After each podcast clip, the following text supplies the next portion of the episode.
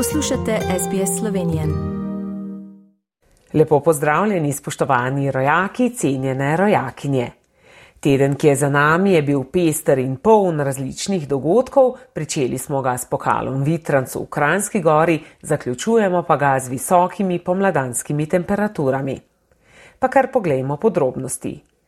V podkorenu se je zaključil 62. pokal Vitranc. Veliki zmagovalec je postal olimpijski in svetovni prvak Marko Odrmat, ki je zmagal tako na sobotni, kot tudi na nedeljski tekmi. Najboljši slovenski veleslalomist Žan Kranjes je po sobotnem petem mestu na nedeljski tekmi končal tik pod stopničkami na četrtem mestu. Je pa med tednom svojo zmago slavila ponovno tudi smukaška velesila Ilka Štuhec. Objavljeni so rezultati 14. popisa osnovnih prehranskih proizvodov. Analize razkrivajo ponovno rahlo znižanje obeh vrednosti povprečne in najcenejše košarice 15 osnovnih živil, ki sta dosegli najnižjo vrednost od začetka spremljanja maloprodajnih cen v fizičnih trgovinah do danes. Kljub temu so se podražili krompir, kruh, jajca, jogurt, sir in jabolka ter piščančje meso. Izdelki v kategorijah svinskega mesa, sončničnega olja ter mleka in govejega mesa pa so se medtem pocenili. Potem, ko so v Hočah zaprli proizvodnjo, vodstvo Hoške Magne s predstavniki zaposlenih v sredo še ni uspelo skleniti dogovora o pogojih za izvedbo programa presežnih delavcev, potem, ko je avtomobilski koncern nedavno napovedal skorešnje zaprtje tamkajšnjega obrata lakirnice. Kot je napovedal sindikalist Gvido Novak, bodo v primeru neizpolnitve zahtev v torek pripravili protest.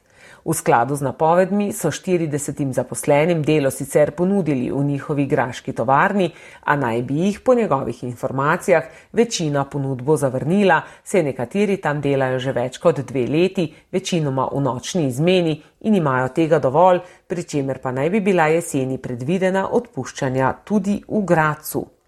Po številnih podražitvah in tudi vseh ostalih ukrepih, ki jih v naši državi izvajajo, so nadaljni koraki znani tudi glede obrestnih mer in bodo odvisni od gibanja osnovne inflacije in učinkovitosti dosedanjih ukrepov, je po četrtkovem novem dvigu glavne obrestne mere v evrskem območju napovedal guverner Banke Slovenije Boštjan Vasle. Nadaljni koraki bodo odvisni od takratnih aktualnih razmer, zlasti od ekonomskih in finančnih podatkov, gibanja osnovne inflacije in učinkovanja naših ukrepov.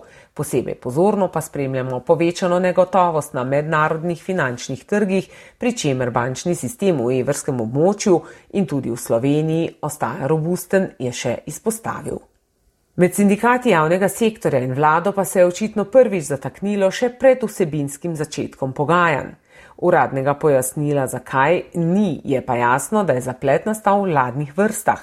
Pogovori med obema stranema se bodo začeli z enotedenskim zamikom. Zagotovo je z vsako preložitvijo težje videti, ali bomo prišli pravočasno na cilj ali ne, je ob tem izpostavil tajnik sindikata vzgoje, izobraževanja, znanosti in kulture Slovenije Branimir Štrukel. Kot namreč zagotavljajo sindikati, so oni na pogajanja pripravljeni. Ministrica za javno upravo Sanja Janovič Hovnik pa je v četrtek, ko se je vlada seznanila s pogajalskimi izhodišči, napovedala, da bo sindikate z vsebino seznanila v ponedeljek. V nuklearni elektrarni Krško pa bodo iz bazena za mokro skladiščenje v novo zgrajeno zgradbo za suho skladiščenje prihodnji teden začeli premeščati prvih 300 ton izrabljenega jedrskega goriva. Novo skladišče so zgradili v okviru zadnje desetletne varnostne nadgradnje Neka. Šlo je za osemletni projekt, ki bo elektrarno Krško stal skoraj 100 milijonov evrov. Največji infrastrukturni projekt, drugi železniški tir med Koprom in Divačo, pa ne poteka optimalno. Nekatere odločitve so negospodarne in netransparentne.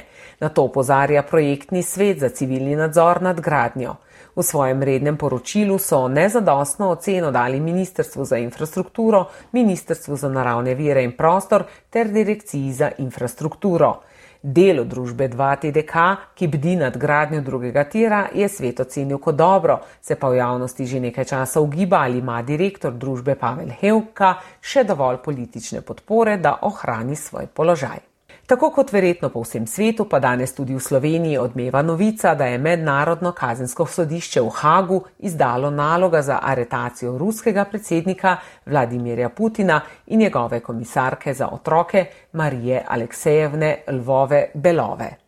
Več o tem še kdaj, Vreme nam pa bo v naslednjih dneh postreglo soncem in prijetnimi dnevnimi temperaturami, le jutra bodo ostala razmeroma hladna. Večinoma sončno vreme z velikimi temperaturnimi razlikami med nočjo in dnevom nas bo spremljalo tudi v prihodnjem tednu. Marsikje se bo živo srebro že povspelo nad 20 stopinj Celzija. Tudi v Slovenijo torej zares prihaja pomlad. Lepo vas pozdravljam, novice iz Slovenije sem danes za vas pripravila Katarina Valentar. Všečkaj, deli, komentiraj. Spremljaj SBS Slovenijo na Facebooku.